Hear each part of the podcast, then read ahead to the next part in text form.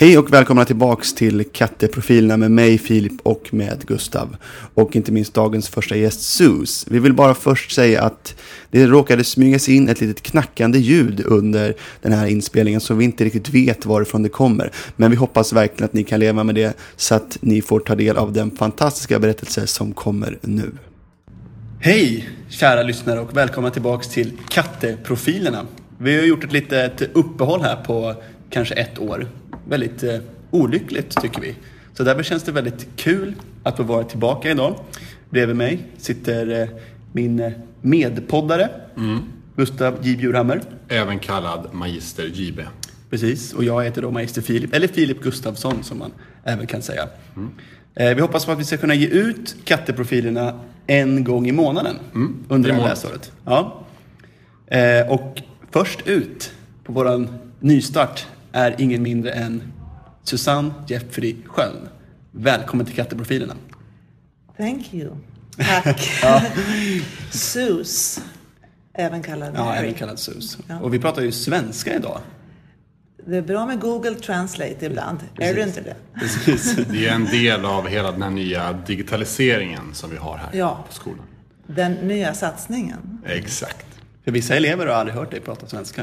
Om jag låter mekanisk nu så beror det på Google Translate. Dear students. Okej, okej. Okay, okay. Enough said. Enough said. Ja, katteprofilerna handlar ju delvis om eh, skolan kan man säga, men den kan ju ta vilka vändningar som helst, det är väl tanken. Mm. Så att vi börjar väl då på vanligt maner med vilken, den, vilken fråga då? Den klassiska standardfrågan, berätta om din födelse. Jag har hört talas om den där frågan och det var lite roligt med den där frågan därför att eh, det är någonting som jag ofta får höra hemma, just eh, hur det gick till när jag föddes. Och nu har vi gäster. Ja, nu kommer någon. Här. Hej Niklas! Tjena! Hej. Nu kommer Niklas Zetterling in här mitt i podcasten. Ja, det är ingen fara. Det, det är sådär när man är känd, man får, man får besök av, av sina fans. Men det, det, blir levande som man brukar säga. Det, det blir ju det. Men åter till din födelse Sus. Jaha, jag tänkte att Niklas hade um, på något sätt distraherat er ifrån den frågan. Nej, nej, nej. nej. Nej, men det är faktiskt sant att hemma hos oss så brukar eh, min mor ständigt och jämt tala om hur jag föddes. Mm -hmm. Jag vet mhm. inte varför. Hon, har, hon brukar säga, ja du Anna, jag heter Anna också i familjen. Mm -hmm. Du kom som en raket. Okay. Och fort gick det. Och eh, sånt eh, i mitt liv. Allting går fort. Och det, så föddes jag. På ett sjukhus i San Francisco. Children's Hospital. Finns inte längre. Eh, och bodde i en förort till San Francisco de första fem åren. Mm. Mm.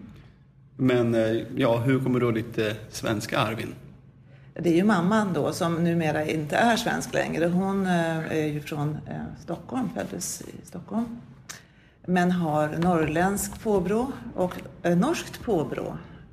Min mor eh, var också en äventyrlig eh, ung dam. Hon var ute på au pair, hon var ute och plockade jordgubbar i England och så vidare. Och när hon var ja, runt 18 år så var hon au pair i Paris hos ett skådespelarpar. Eh, de var kända där i Paris. Och, eh, I sitt umgänge hade hon ett gäng amerikanare som hade sagt till sina föräldrar att de skulle studera i Paris. För de ville inte åka till Koreakriget. Mm, okay. mm. Och det här var 1956. Och mamma eh, träffade pappa och det sa klick. Och de var oskiljaktiga under det här året. Eh, och eh, de hängde på ett ställe som heter eh, The American Restaurant, eller hotell. Det ligger vid någon park där och den finns kvar. Mm. Och där i den här restaurangen så finns det mängder av svartvita bilder på den tidens ungdomar och kändisar som kom dit, för det var ett sånt där ställe. Liknande Café Opera faktiskt, som okay. man har i Stockholm idag. Sånt där ställe där man samlades. Och där finns bilder på mina föräldrar. Det fick jag se då för bara några år sedan. Eh, och mamma hon eh, åkte hem till Sverige igen efter sitt år och kunde inte vara utan pappa. Så hon tog den sista Amerikabåten över faktiskt. Asså, och det är båt? Alltså. Ja, de klassiska Amerikabåtarna slutade gå på 50-talet. Okay. Sen gick de från Norge, men eh, hon tog den sista svenska Amerikabåten. Då. Hur lång tid tog det sån? En vecka ungefär. Okay. Och kom till New York och där möttes hon av släktingar som vi har där. Eh, och förberedde sig för att åka över till Kalifornien där min far fanns och väntade på henne. Okej. Okay. Ja, Fem år senare var vi tillbaka i Sverige. Det var en, en mycket vacker romans men den höll inte så länge. Jaså. Så att ja. din mamma flyttade tillbaka ja. till Sverige? Ja. ja. Men du bodde vid dina första fem år i San Francisco? Jag bodde mina, ja, just det. Så att jag bodde i San Francisco och jag har två bröder också.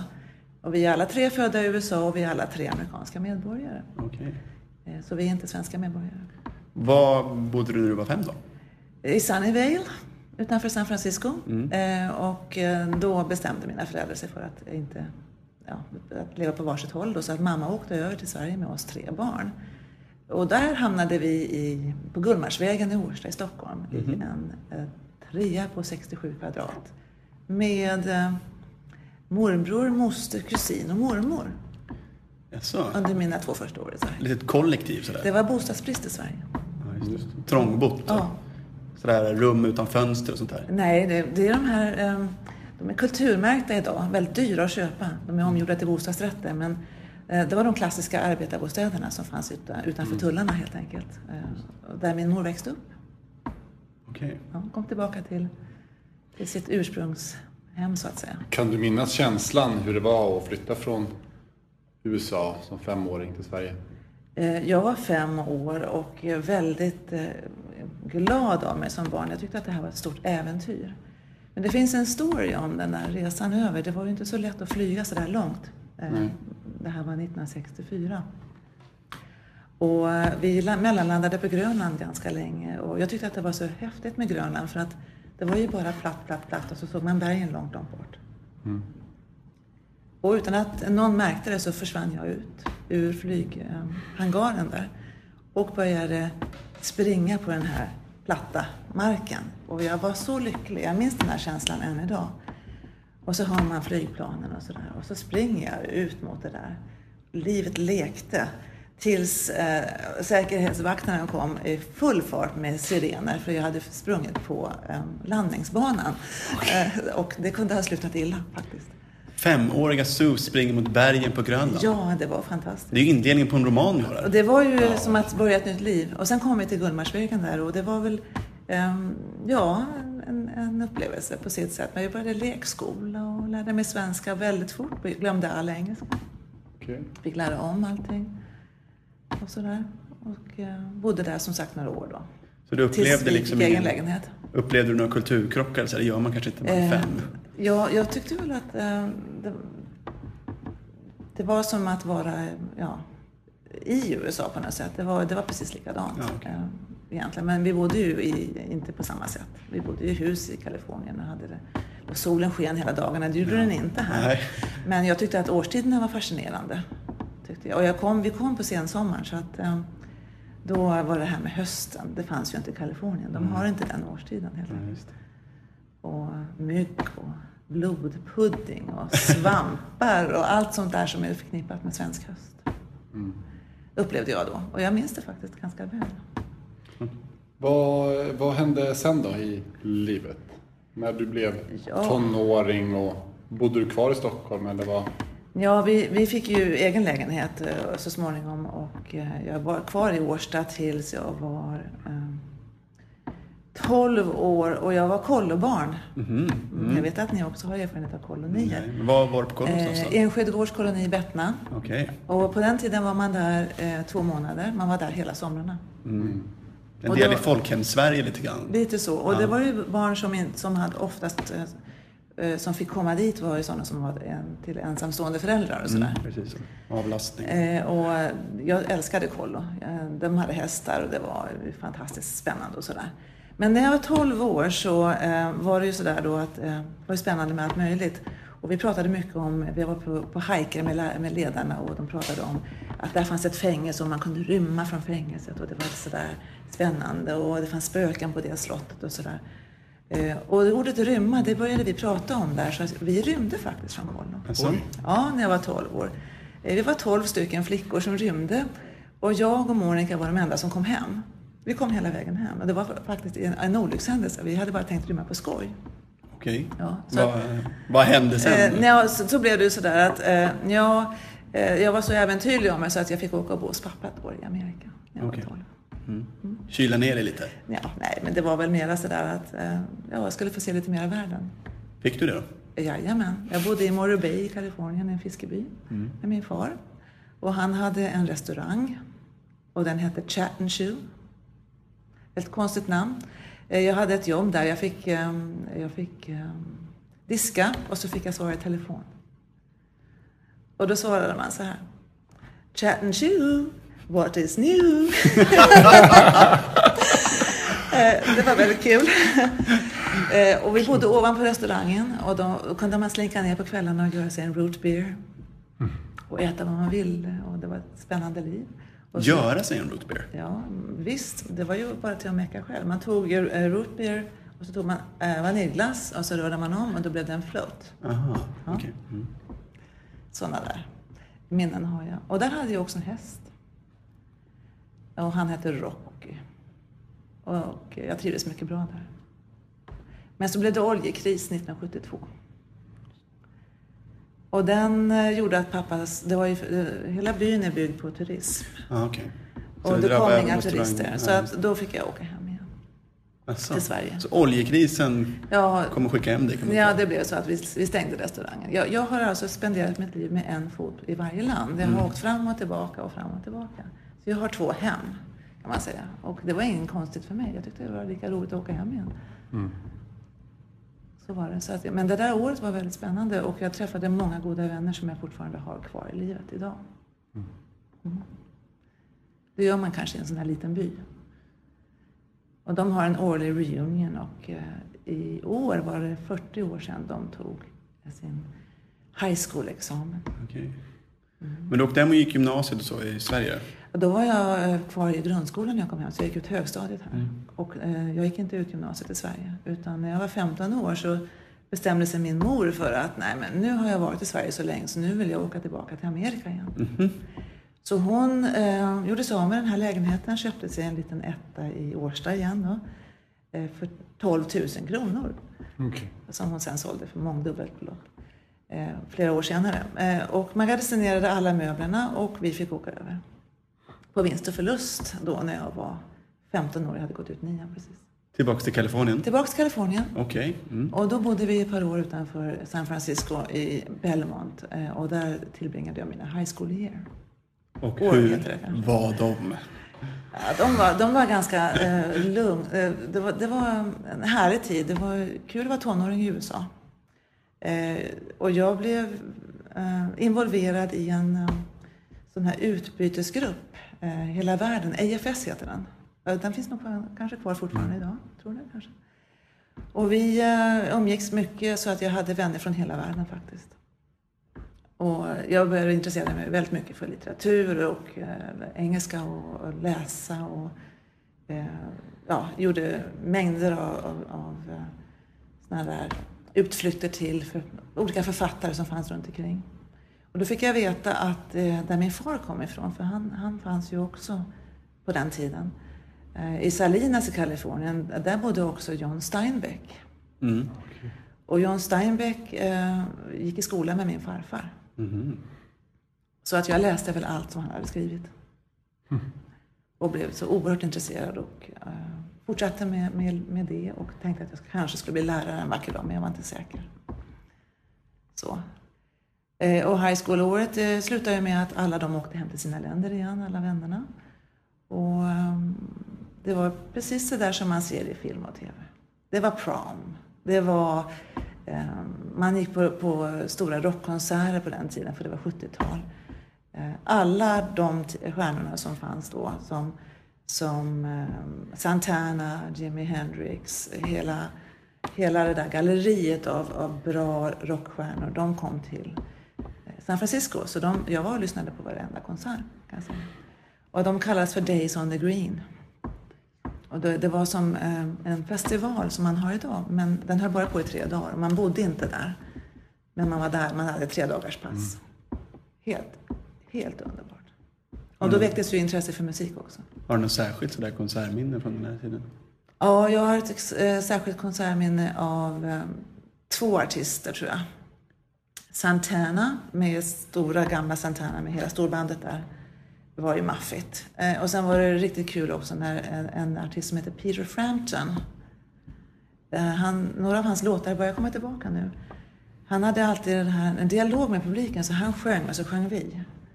Och eh, då var klockan midnatt nästan. Och det var alldeles, alldeles stjärnklart. Och eh, han sjöng sin eh, textslinga och vi svarade och det bara ekade över hela, hela buk, San Francisco-bukten helt enkelt. Med den här. Eh, och, ja, det var ett fantastiskt konsertminne. Och jag hade börjat spela gitarr eh, tidigare, ett par år tidigare, så jag gick ju hem och tränade in den här slingan förstås mm. på min gitarr. Och nu kommer den på nästa fest med Katedralskolan? Det kanske kan hända. Vi har inte kommit dit i mitt liv än. Nej, nej precis. Jag hoppar lite. För, för sen blev det, nu vet jag inte, men det låter ju som att det blev Sverige snart igen. Eh, ja, då eh, tänkte jag väl som så att, att eh, jag skulle göra ett litet uppehåll. Jag skulle eh, ju jobba min väg hem till Sverige. Jag skulle ta, jag skulle ta anställning på en båt, tänkte jag. Jaså?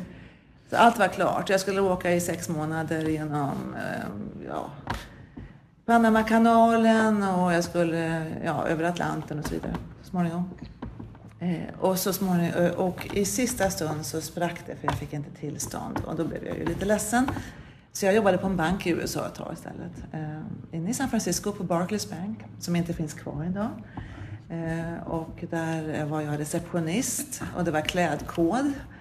Och jag skrev maskin, och skriver fortfarande maskin väldigt fort, så där satt jag och skrev maskin hela dagarna och så fick jag ta emot gäster. Och damerna skulle koka kaffe och sådär. Eh, men nu får ni betänka att det är 70-tal. Mm. Det var ju Women's Lib, mm. Eh, frigörelse för kvinnor. Så på den här banken så blev det ett uppror mot um, männens behand, hur vi behandlade kvinnorna. Mm. Vi skulle inte koka kaffe längre, vi skulle mm. inte göra det och vi skulle si och så här. Det var väldigt spännande att se de här äldre damerna springa omkring och skrika högt med plakat och sådär. Och då satt jag i min klänning och skrev maskin. Men jag lärde mig mycket av dem. Hur man kan eh, få en tro på sig själv och känna att man har ett värde. Apropå rörelser, märkte du av 68 mycket? För det var ju liksom lite... Då, 68 var jag inte så gammal. geografiskt. Då var jag ganska, då, då var jag ju ganska ung. Hur gammal var du?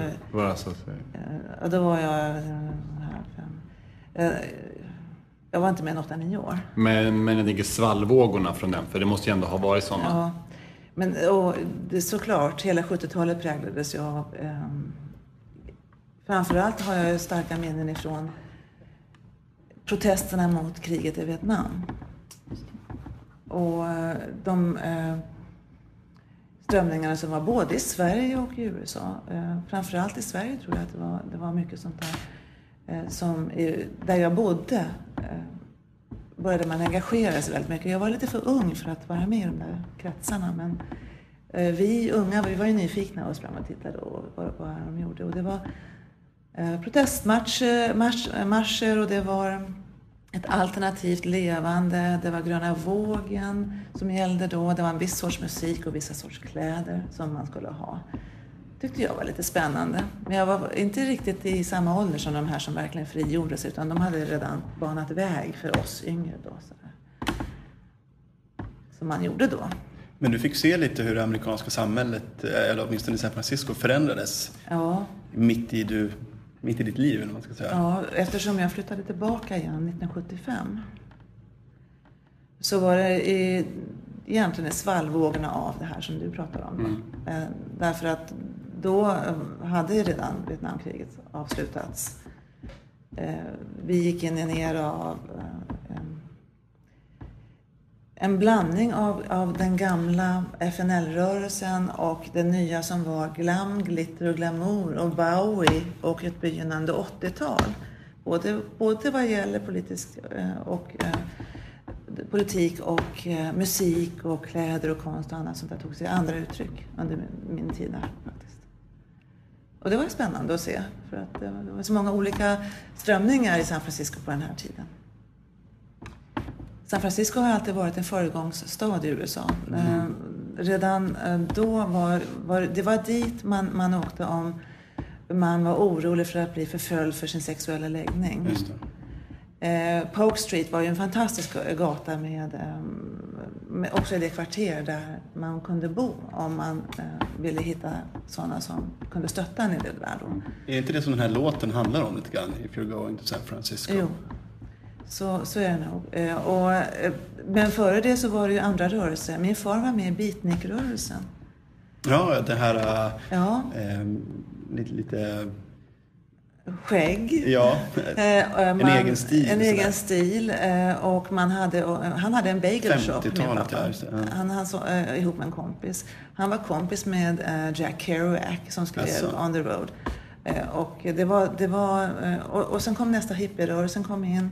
eh, Olika, och, och, och sen var det mecka för människor som fick vara som de ville vara. eh, Oavsett eh, politisk åskådning eller sexuell läggning. Så att jag var väldigt glad över att jag bodde där och inte i mellan USA eller i ja, södern, södra USA där det var mycket mer konservativt och många fler restriktioner och folk var, hade helt andra åsikter. Eh, Jag präglades av det faktiskt. Eh, En ökad tolerans. Och det ser vi ju än idag, eh, att Kalifornien har gått i bräschen. De, de tänker inte följa alla politiska uppmaningar som- vad gäller migration och sånt nu, utan de har sagt nej, vi gör så här. Eh, Vi tror att man ska eh, ta hand om människor som kommer på flykt och sånt. Och det tycker jag är viktigt. Och Jag är stolt över mitt Kalifornien. Om vi då flyttar oss längre fram. Du, du bodde eller du var uppväxt delvis i det ganska progressiva Kalifornien och sen så hamnade du i det stockkonservativa Uppsala. Ja. Hur, hur gick det till? Ja, men då, då har du en... en dig själv. jag, vet, jag vet inte om jag upplever Uppsala så, men eh, kanske har du rätt. Jag flyttade tillbaka till Sverige igen eh, därför att jag kunde det. Eh, Det fanns en, en liten lägenhet som jag sa, min mor köpte sig en liten etta i, i Årsta. Och jag tyckte att det stod Susanne, sus på den. Så att, eh, vad ska den stå där för och, och inte användas? Eh, och jag hade tjänat ihop lite pengar på banken. Jag hade 2000 kronor på fickan. Jag var 19 år. Eh, Jag fick en flygbiljett av mamma och jag hade inget jobb, inget uppehållstillstånd i Sverige, men jag åkte hit. Och tog mig an lägenheten och sen gick jag upp eh, på dåvarande Ericsson, LM Ericsson kallades det för då. Och så sa jag, hej, jag skulle vilja bli chefssekreterare. eh, Okej, sa de, eh, kan du stenografera? Nej, men det löser sig. Kan du franska? Nej, men det löser sig. Jag blev tilläggsoperatrice. Okej. Ja, och sen började jag läsa på kvällarna. Eh, Men det tokiga var att jag fick inte mitt arbetstillstånd. Vilket, jag, fint, vilket fint yrkesnamn. Tilläggsoperatrice. Telex. Telex, jaha förlåt. Vet, vet ni vad Telex är? Ni är ju lite yngre än vad jag Är det sådana här hålkort? eller? Ja, det var ju fantastiskt. Ja, Det är en maskin som ser ut som en stor skrivmaskin. Ja. Och den gamla telexapparaten, det var så här att jag satt och skrev meddelanden till Tyskland för man hade ju en sån här man skeppade ju saker från LM Ericsson, telefoner och annat, till, till, till, andra länder i världen. Och när jag tryckte ner tangenterna, då kunde de göra det på den sidan också. Och då kände jag när de tryckte. Eh, och sen blev det digitaliserat, så det blev så, som en dator. Eh, men jag, skulle- jag, var, ju jag var ju alltså kontorist kan man säga, fast jag höll på med telex. Eh, meddelanden till... Och då lärde man sig alla hamnstäder i hela världen. Eh, och man lärde sig alla huvudstäder och allt annat också. Därför så har jag också geografi i min behörighet. Jag blev intresserad av, av sånt. Okej. Jag får undervisa i geografi på grundskolan. Ja, ja, ja. Vad heter huvudstaden i Afghanistan? Du behöver inte ställa mig på pottan nu tycker jag. Okej, vi klipper bort det. Vi går vidare. Nej, jag kan. Jag kan det. Eh, En gång i tiden kunde jag alla Afrikas länder när jag gick och läste. Men så insåg jag att Afrika är ett väldigt föränderligt, eh, en föränderlig eh, del av världen. För att det var 44 länder då. och Jag tror att det är uppåt ja, 54 nu. Så att det händer saker hela tiden. Jo, Och, och det tycker jag är kul med, med geografi. Egentligen. Nåväl, eh, jag hamnade i alla fall i Stockholm först och eh, där eh, etablerade jag mig och läste som en galning, läste in allt jag hade missat. Och träffade en, en kille där som jag bodde med i 11 år. Och vi har, hade tre katter ihop, så att säga. Eh, och jag blev lärare där. Men jag var inte lärare med en gång utan jag var obehörig lärare i fem år först. För att jag prövade på och gjorde andra saker också. Eh, Och det var nog det bästa i mitt liv, att ha varit obehörig lärare i eh, Sverige på 80-talet. Faktiskt. I Stockholm? Ja, jag prövade precis allt. Och då hade, då hade man pengar för skola. Vi hade ganska bra betalt. Så det var ganska många oseriösa lärarvikarier på den tiden som var bara ute för att tjäna pengar. Men jag lärde mig själva yrket. Jag har varit på alla stadier. Jag var eh, tre år på ett eh, årskurslöst eh, lågstadium. Jag hade en egen klass i tre år på mellanstadiet. Jag var på gymnasiet samtidigt. Jag har vickat eh, ute i Botkyrka kommun i ett par år. Och där var det ju stökigt, men intressant och lärorikt. Eh, så jag har gått den långa vägen kan man säga. Och sen eh, kom, sökte jag in när jag var 25, Till? lärarhögskolan. Ja. Och då kom jag in i Uppsala. Men jag tackade nej till Uppsala. Tänk, hur kan man göra det? Ja, det är oförståeligt. Men... Jag ångrar mig lite idag för jag missade ju nationslivet. Utan, ja, men jag bodde i Stockholm med den här killen. Och Så då det hade jag, jag var etablerad. Jag var ju tant. Jag Ah. stickade och jag bodde där och hade min, min eh, infrastruktur. Så inte var jag beredd på att flytta till Uppsala. Då. Sen blev jag beredd. Ja. Det kom, en, det kom senare. När då? Eh, ja, det var 1988. Vi bara trycker på en knapp så kommer det ut information här. Nej, ehm, eh, jag ehm, var väldigt god vän med den här killen. Och, ehm, vi var vänner, men det tog slut förstås. Och eh, på en midsommarfest i Knivsta-trakten så satt en man och spelade gitarr. Och, eh, han, vi kände inte varandra, men jag gick fram till honom och så sa jag, eh, kan du spela den här sången? Eh, Vilken Ja. då? Verkligen, vilken den bra. hette Endast en gång såg jag den man. Jag blev störtkär. Ja, sa han. Kan inte du lära mig den? sa jag. Och eh, det var alltså massor av gäster på den här festen. Det var långbord dukat. Alla satt till bords och så hör, hör jag någon ropa Ska du inte komma och äta? Då var det bara han och jag kvar där på gräsmattan med varsin gitarr. Vi hade suttit där i tre timmar. Ja. Sen talade jag om för honom att jag faktiskt kunde spela låten, men det gjorde jag först lite senare. Och han lurade mig till Uppsala. Han heter Sten. Stone. Vet jag att mina elever kallar honom för. Ja. Ja. Så är det. Han bodde i Uppsala då? Han eller? bodde i Uppsala. Och då, då blev det så. Det blev rokad i mitt liv igen. Ja. Och var hamnade du då? Om jag tänker skol... Eh, ja, eh, då var det arbetsbrist. I, det gick inte att få något jobb här i Uppsala. Alltså? Eh, nej. Eh, och jag började med att pendla faktiskt från Stockholm. Jag jobbade på ett gymnasium i Nacka och pendlade därifrån till Sten nästan varje dag. Men jag hade kvar en lägenhet i Stockholm. Och på vägen till, till Upps, eh, Uppsala då, jag var nykär och jag hade kört så långt som till Stadskajen. Då står jag vid ett rödljus 1989 och då blir jag påkörd bakifrån av en mycket större bil och jag åker in i nästa bil eh, och åker på en rejäl whiplash. Men det visste jag inte då, därför att eh, jag skulle ut i Sten. Min bil såg ut som en, ett dragspel, men jag, den gick att köra så att jag sätter mig i bilen och så åker jag till Uppsala med eh, syfte att då träffa den här killen. Som, när jag kommer till Arlanda då åker huvudet bakåt och jag har ingen styrsel i min nacke. Och jag håller i huvudet och kör hela vägen till Uppsala för att träffa Sten. Och då när jag kommer fram till Uppsala då har chocken satt in så då vet jag inte varför jag är där. Helt enkelt. Eh, Men eh, ja, ganska omfattande whiplash blev det. Och då blev jag lite sjukskriven och så gick jag i sjukgymnastik eh, ett tag. Och då bestämde jag mig för att jag kan inte pendla längre så jag måste flytta till Uppsala.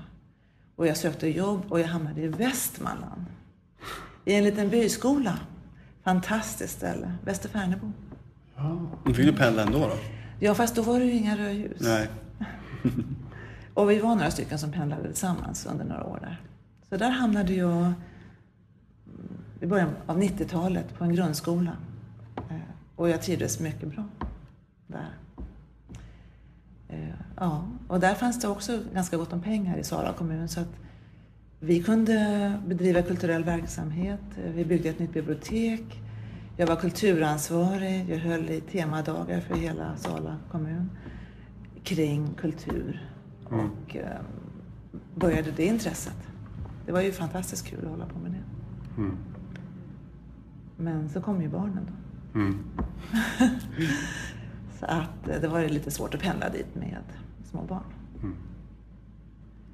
Och då eh, i slutet av eh, min andra mammaledighet så tänkte jag nej men jag kanske skulle ta och söka till Uppsala i alla fall för att det är ju, jag vill gärna jobba här. Det ju, har ju gott rykte, Uppsala har gott rykte och skolorna har gott rykte. Jag gör så här, jag skriver en intresseanmälan. Jag talar om att jag heter Susanne Jeffrey Sköld, jag har de här ämnena, jag skulle vilja jobba på er skola. Och så skickade jag ut den där, ett brev bara sådär. eh, Till tio skolor. Bland andra Viks folkhögskola, det var grundskolan framförallt, högstadiet som jag jobbade på då. Och Katedralskolan som hade fått en grundskola hit. Ja, eh, tänkte väl inte att jag kunde få något jobb här, men så ringer telefonen och så har jag en röst på norrländska. Ja men hej gäst. du! Eh, första gästen Sven Jonsson ringer mig och säger Hörru du, det var en jädrigt tafflig ansökan du skrev. Va? sa jag. Jag har inte skrivit någon ansökan. Eh, jo, det har du väl? Eh, och du har helt fel ämnen också. Eh, då sökte grundskolan här. De skulle alltså eh, göra grundskolan komplett på Katedralskolan. Det fanns eh, två åttor och två nior. Det skulle komma två sjuor. Och jag skulle då i så fall vara klassförståndare och de sökte en lärare i eh, SO och stöd. Och jag var engelsk svensklärare framför allt och jag hade ju geografi också. Och, sådär. och jag hade jobbat mycket med anpassade stöd, stöd i Västerfärnebo.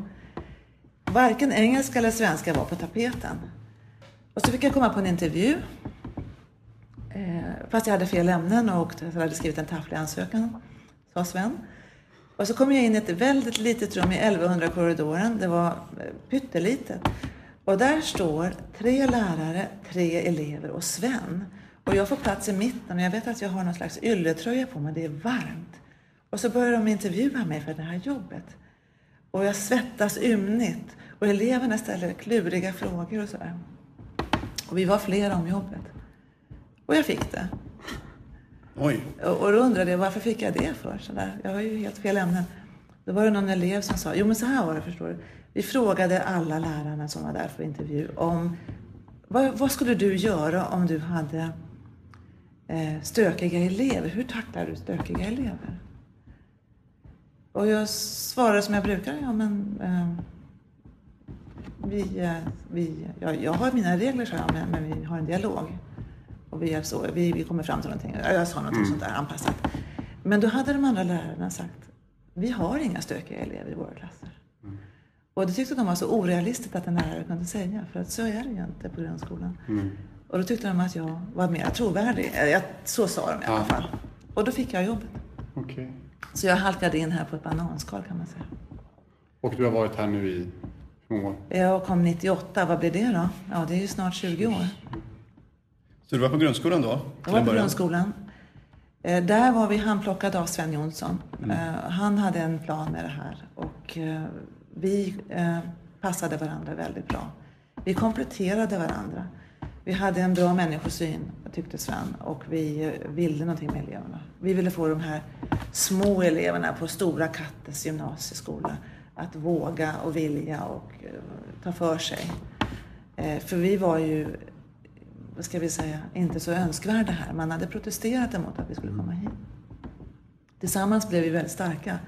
Vi var ett gäng om cirka 20 grundskolelärare och Sven. Och så var det några gymnasielärare som också eh, jobbade med oss. Eh, bland andra Henrik Dolata hade matte. Eh, andra lärare hade språk och sånt hos oss. Jag började ha stöd för gymnasieelever. Jag hade spetsengelska för mina grundskolor. Vi gick över stadiegränsen stadiegränserna lite grann där efter ett tag.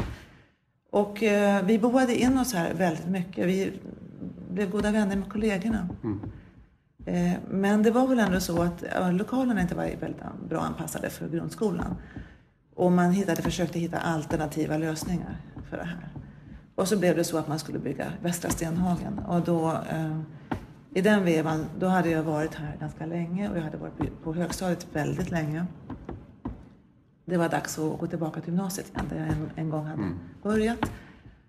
Och jag och, och jag tror vi var sex eller sju andra grundskolelärare, vi stannade här. Och de andra flyttade till Västra Stenhagen. Och det här var 2007. Och så har jag varit på gymnasiet sedan dess då. Vilken actionladdad historia fram till liksom. det är det. Du har bara hört förnamnet ska jag säga. Ja, ja, det förstår jag. Men eh, det- det här med att vara lärare, det, är- det finns inget bättre yrke. Eh, Och att få den ynnesten att ha fått jobba med alla åldersgrupper, ända från lågstadiet ända upp till gymnasiet, känner jag är ett privilegium. Jag, jag ser ju var de här eleverna kommer ifrån när de kommer till mig. Och eh, det här med hur man utvecklas både motoriskt eh, och intellektuellt och allt sånt där, det kan man ju se då.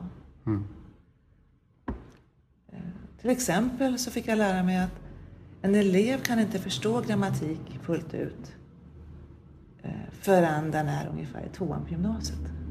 Det läste jag en avhandling om och så har jag tittat på mina egna elever. Att först där trillar polletten ner för rätt så många av dem. En del kan naturligtvis förstå grammatik tidigare. Men komplexa konstruktioner och sånt där brukar vara svåra att förstå. Därför att det handlar om abstrakt tänkande och många eh, parametrar man ska försöka hålla reda på. Och det är ju roligt att få vara med och se den här utvecklingen faktiskt. Det har ju hänt mycket inom yrket. Apropå din lärargärning, jag har en fråga jag måste få ställa. Du känns som en person med väldigt mycket energi. Du eh, drar liksom igång projekt och du eh, eh, insamlingar till kollegor som har gift sig eller fått barn och du eh, spelar i ett eh, band här på skolan och ordnar liksom så här. Det är en specialare med faktiskt. eh, efter, det är väl snart 30 år i yrket. Mm. Var någonstans får du den här energin ifrån? Det vet jag inte riktigt. Det är klart att man har sina svackor, men eh, det där med whiplashen, vet ni. Eh, Det är dumt att inte fortsätta att göra sjukgymnastik när man har fått en whiplash. Eh, Det gjorde inte jag. Så att här i Katedralskolan, på Katedralskolan 2001 så kände jag att jag hade lite svårt med orken. Eh, Och eh, en dag i 1100-korridoren, eh, på väg till en lektion, så tappade jag huvudet igen. Det åkte bakåt helt enkelt. Och jag, jag kände att oj då, vad är det här som händer nu?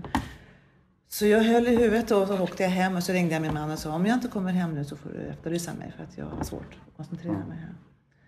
Och då hade, jag har två kotor som har skilt på sig lite grann. Och då har man ökad rörlighet och man måste hela tiden träna. Gissa hur många situps jag gör om dagen? Det syns inte på mig att jag är vältränad men jag är ganska stark kring nacken nu. Eh, Men då blev det sådär att ja, jag fortsatte att jobba ett tag till. Sen åkte vi på en studieresa med lärarna och eh, då slog det till ordentligt. Jag kommer inte tillbaka till Katedralskolan efter den resan på tre år. Fullt ut alltså. Jag blev omedelbart sjukskriven heltid på ett helt år. Och för den som har varit sådär som jag har varit i hela mitt liv, engagerad, så var det ett stort bakslag att inte kunna orka med det som jag tyckte var roligt i livet. Eh, Så jag blev ju ledsen i ögat, rejält så. Eh, Sen eh, slog väl det här med rehabiliteringen igång ordentligt. Men man, hade inte, man var inte så bra på det där med rehabilitering då, utan jag fick ju ta tag i det också. Det finns ingenting jag inte har gjort för att rehabilitera mig, ska jag säga. Allt ifrån sjukgymnastik till healing, till akupunktur. Eh, Jag skulle bli frisk eh, och det bestämde jag mig efter ett möte med eh, Försäkringskassan. För då sa de att de ville sjuk, göra mig till sjukpensionär. Oj. Jag hade ju... Ja, jag var ju inte särskilt gammal. Jag sa nej, det här kommer inte att hända. Eh, och eh, jag satte igång att träna. Och efter ett år så kom jag tillbaka på halvtid och efter ytterligare ett år så kom jag tillbaka på 75 procent.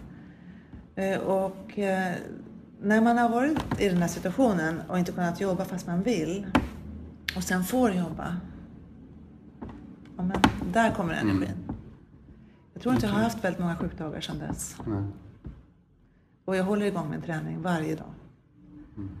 Så är det. Så har man strategier naturligtvis. För jag ska inte sitta på ett sätt, jag får inte bära och sådär. Eh, Och har, vi har en otroligt duktig schemaläggare här på skolan som tar hänsyn till det. Så jag får vara i samma klassrum. Tack Mia.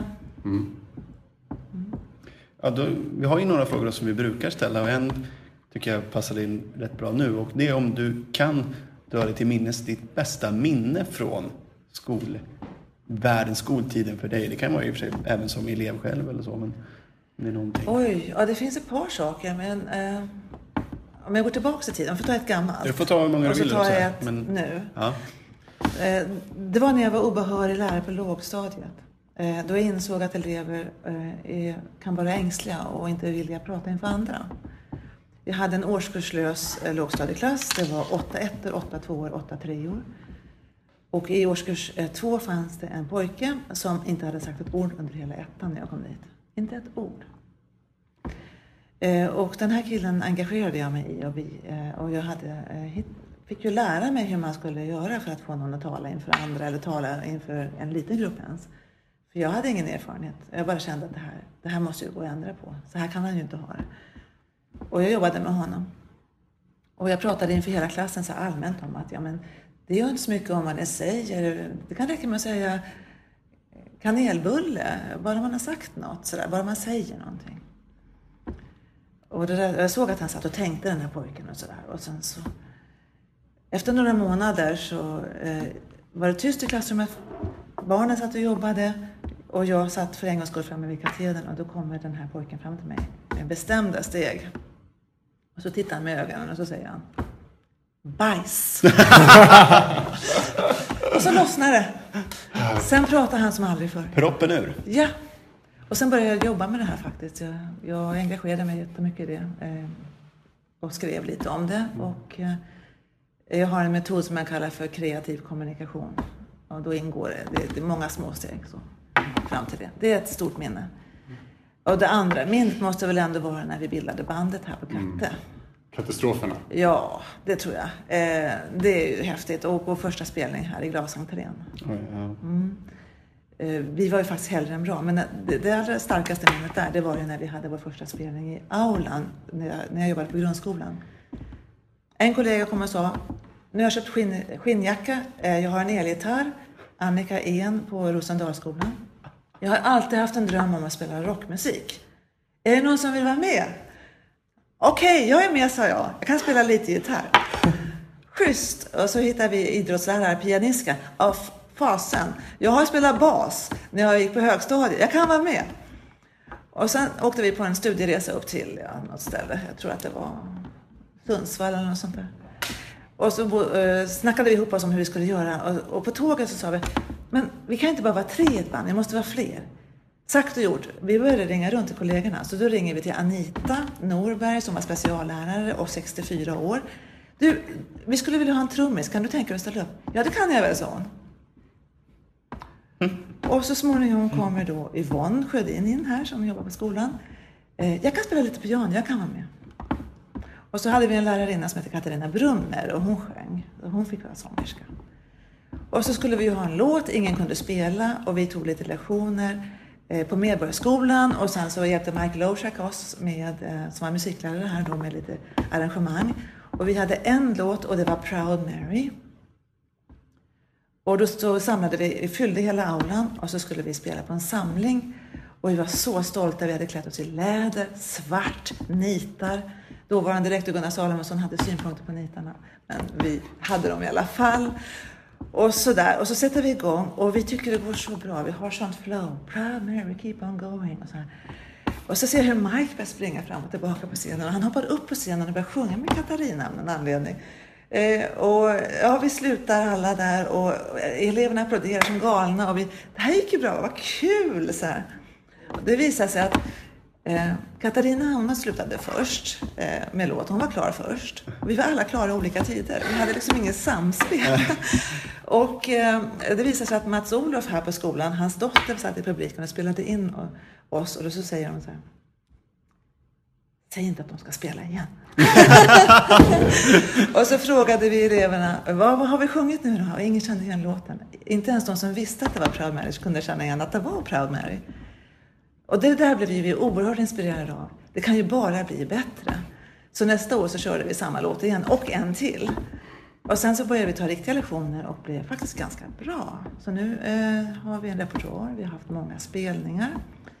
Alla har kattanknytning och den som sjunger nu är då Yvonnes dotter Kristin. Hon har varit elev här på Katedralskolan. Eh, och vi har tjänat in pengar så vi har till och med rest för pengarna Oj. tillsammans. Jag Ja. måste eh, tyvärr avlägsna mig nu, men eh, du får helt enkelt på egen hand styra in den här skutan. Ja, jag får eh, göra mitt bästa. Tack, Så- tack eh, Majs. Ja, och Tack, tack Sus att för en fantastisk historia alltså. Jag eh, var ju inte så talträngd ändå. Nej, verkligen inte. Ja, vi eh, ses. Men du återkommer ju i nästa avsnitt helt enkelt. det gör jag. Ja, medan eh, Majsten eh, plockar upp sin eh, portfölj och eh, slinker ur klassrummet så jag måste ändå fråga, du har ju verkligen eh, fått eh, uppleva två vad ska man säga, kulturer inifrån. Den amerikanska och den svenska, om man nu kan säga så. Och eh, vad tycker du du har liksom tagit med dig från, eh, vilket är det bästa av de här världarna? Ja, de liknar varandra på väldigt många sätt tycker jag. Eh, man, det är inte för inte man har kallat eh, Sverige för lilla Amerika. Eh, så, sådär då. Men ehm, jag tycker att det finns en fördel med att man kan se att man är en global människa. Så att, att man har fötter eller rötter på olika ställen i världen. Det tycker jag om att jag har. Det jag tar med mig från Kalifornien det är värmen och solen och vänligheten som människorna har. Eh, trots rådande politiskt klimat kanske. Att man eh, vill eh, andra väl. Att man alltid hälsar. Och att det finns möjligheter där. Det finns ingenting som är omöjligt i Amerika. Och i Sverige så har man ju lite samma inställning. Men här finns också något annat. Här finns en, en, en historia. Det finns en kultur här som går tillbaka i tiden som jag tycker väldigt mycket om. Eh, Min familj har ju rötterna tillbaka långt, långt och man har släktforskat. Eh, Gamla traditioner, eh, myter, folklor, eh, folkmusik. Den vackra svenska naturen som vi ännu inte har lyckats förstöra. Man är på god väg i USA tyvärr att göra det. Ehm, Så att ehm, om man kunde ta det bästa från båda världarna och mixa ihop det här så skulle det bli eh, lite paradisiskt nästan. Okej. Ja, sen har vi då, eh, vi har frågat några kollegor så där också om eh, lite olika frågor. Och en fråga som kom upp var om du kan berätta med din, din kontakt med scientologkyrkan. Nu tror du kanske att jag är mm, sakral av mig och sådär. Att jag är, eh, har en tro eller någonting sånt där. Nej, det, jag tror ingenting. Nej, Scientologerna, nej men vi har blivit stakade av dem. Ja. faktiskt. Ehm, eh, Jag, jag har erfarenhet av, av scientologerna på ett sätt och min man på ett annat. Och hela familjen präglas av scientologi just nu. Därför att det kommer brev på brev hem till oss i brevlådan. Det rings från Danmark. Det rings från Florida. Hubbard-basen. Eh, Om man kan någonting om scientologi så var det grundaren. Eh, Och det beror på eh, att min man en gång gick in på ett kontor i Köpenhamn och pratade lite med någon och råkade tala om sitt namn och sin adress. Det här var 40 år sedan. 40 år sedan. Sen har jag också erfarenhet av scientologin därför att det var lite intressant. Jag gick och läste religion eh, då på kvällstid när jag eh, kom hem från USA. När jag skulle läsa in ämnen eh, som 19-åring. Och då valde jag religion för att jag tycker att det är ett intressant ämne. Och då fick man göra ett fördjupningsarbete. Och jag valde scientologin för jag tyckte jag kände till ganska lite om det. Så att jag besökte huvudkontoret här då. Och då var jag med om en auditering, vilket är intressant. Det, jag, jag vet inte om man kan säga att det här är religion. Eh, det är ju en slags tro på någonting. Men eh, för mig verkade det som när jag satt på det här kontoret och var med om att sitta så här som jag gör med dig nu. Eh, och så hade jag kopplats upp till ele- elektroniska apparater. Och man kunde få stötar beroende på vad man sa. Så kändes det att det hade väldigt lite att göra med religion. Utan det hade mycket att göra med att man ville få mig att tänka på ett visst sätt. Eh, och jag fick upp ögonen för hur manipulativt det kan vara ibland inom de här olika trosformerna. Att man, man lockar in ungdomar, eh, framför allt då, och får dem att känna någon slags gemenskap. Man, man blir eh, auditerad och så får man, komma, man uppgraderas i det här systemet. Och sen börjar det kosta pengar. Men i början kostar det ingenting. Det är en av världens rikaste organisationer. Så det är min erfarenhet. Men just det här med stalkingen är intressant för jag har ju affekt ibland bara ringt ner till Danmark och sagt eh, på engelska eller på swahili eller vilket språk som helst. Ge fasen i vår familj. Ja. Vi vill inte ha mer att göra. Okej. Och det är ganska jobbigt. De kostar på dyra kuvert med, med band, eh, CD-skivor och sånt som vi bara slänger. Om jag ska ge ett gott råd till någon eventuell lyssnare så ska man kanske inte uppge sitt namn för en sån rörelse och inte gå med i det där för att det kan straffa sig sådär som det gjorde i vår familj. Okej. Mm. Ja. Om det var det personen menade som är... ja, jag vet faktiskt inte. Det är som sagt Nej, en fråga nej. som vi fick in. Och en annan fråga då har vi väl kanske lite redan svarat på, men jag ställer den ändå. Din uppväxt, hur det var att vara ung i USA, Mm. helt enkelt. Ja, det var ju fan... Jag tror Kalifornien är väldigt skilt ifrån resten av USA. Ja. Det, är ju som ett eh, eget, en egen kultur.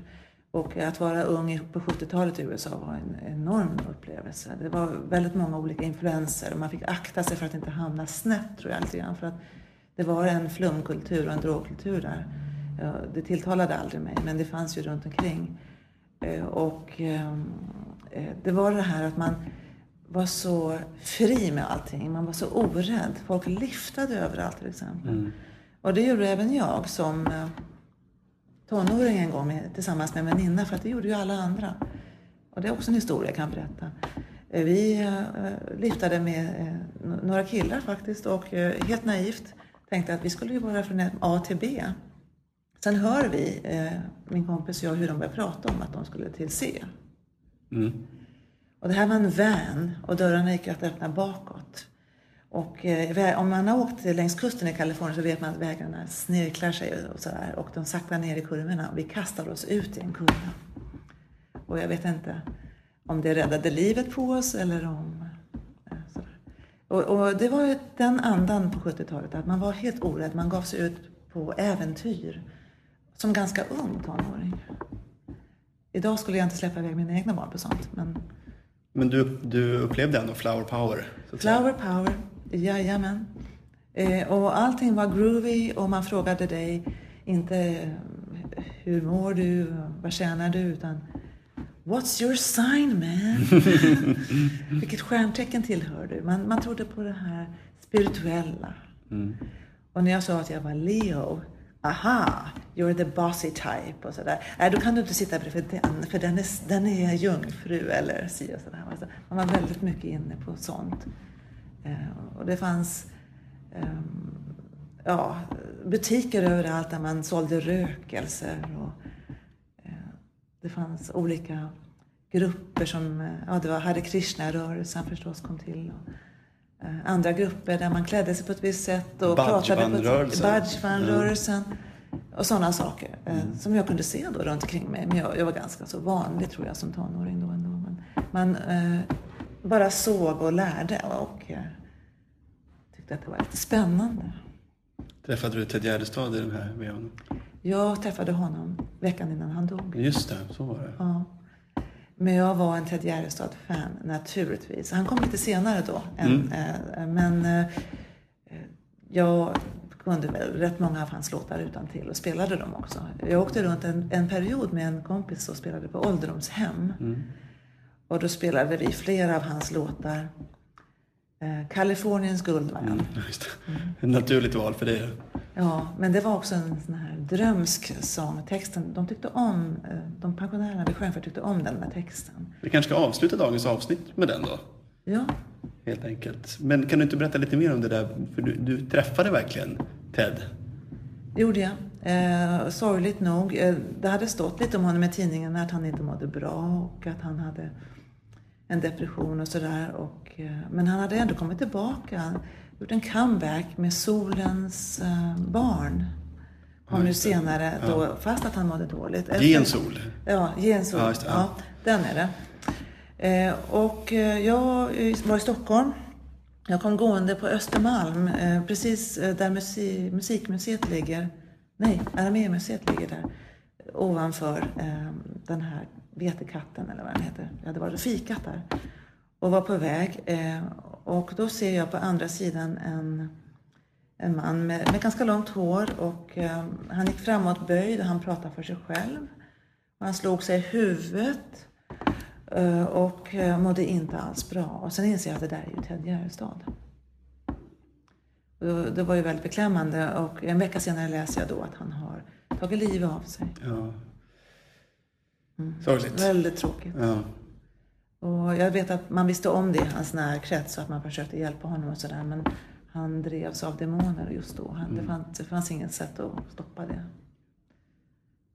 Så det var en ja, sorglig not då. Verkligen. Men, Men- hans musik lever vidare och den, den är fantastisk. Ja. Man ska nog lyssna om och om igen på många av de här låtarna. Det vet jag att du gör. Ja, det, där är Ja. Enas vi så att säga. Vilken Men- är din favorit? Eh, oj, ja, det är nog kärleken står rot, Mm. får jag nog säga. Ändå.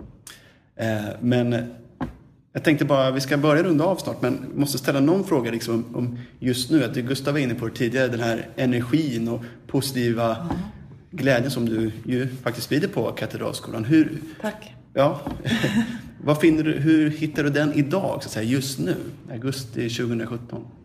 Som idag till exempel när du delade ut blommor och Ja, skrev en dikt och så vidare. egentligen vad är alternativet? Om man kan ge så kan man ge. Ja. Eh, eh, Jag tänkte, eh, vi var på en studiedag häromdagen och så skulle man ha någon slags mål, ville föreläsaren.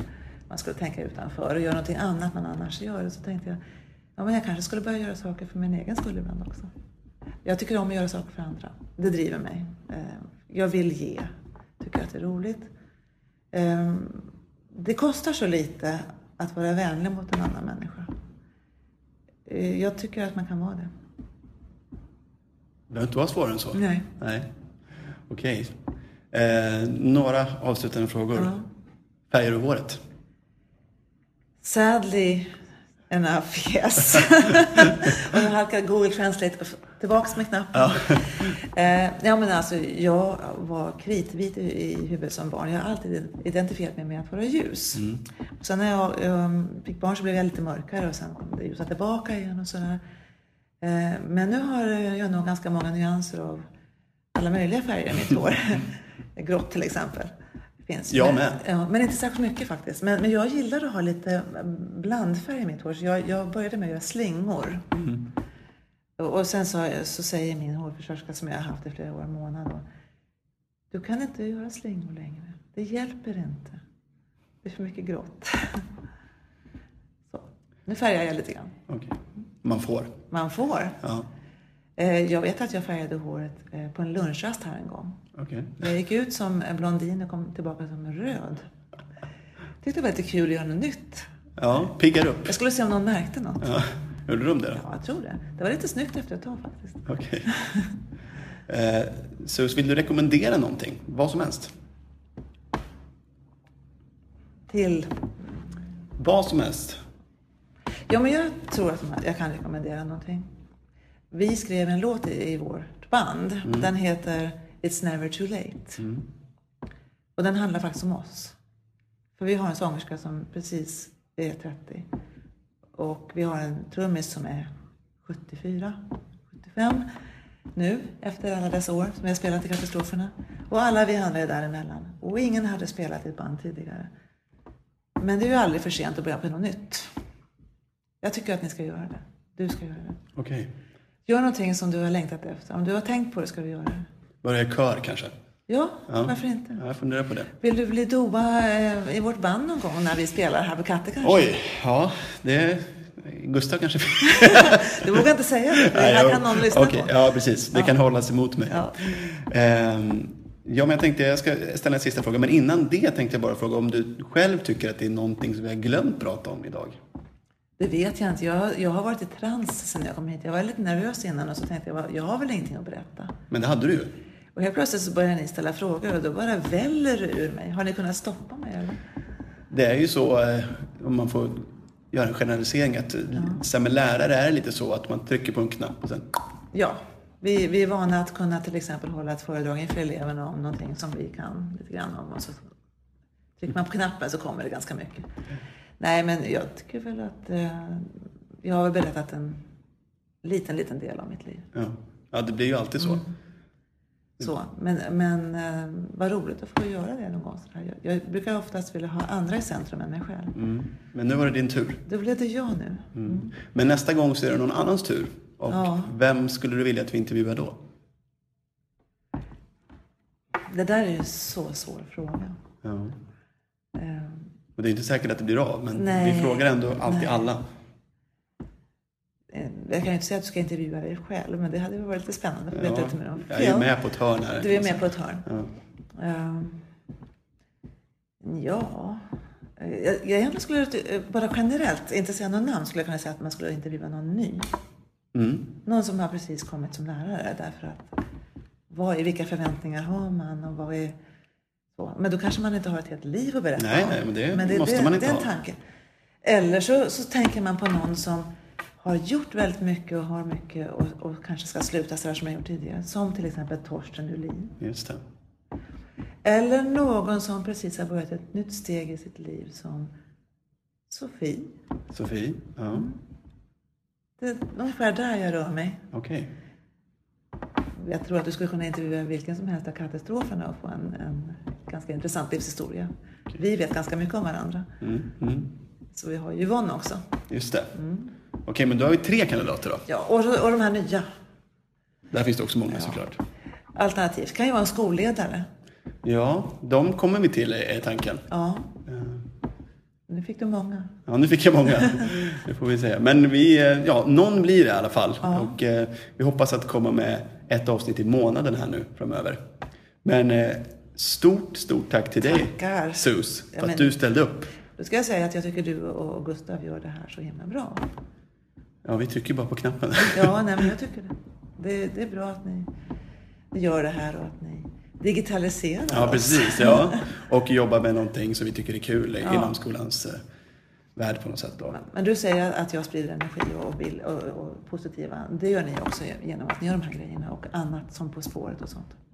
Fortsätt med det. Tack Sus och tack ni som eh, lyssnade. Vi är som sagt tillbaks då inom en månad kanske eller så. Och eh, det är väl en stor ära då att vi avslutar med en låt som kanske symboliserar dig då Sus. Nämligen Ted Gärdestads Kaliforniens guld. och att drömma sig full. och kan alla stjärnor nå?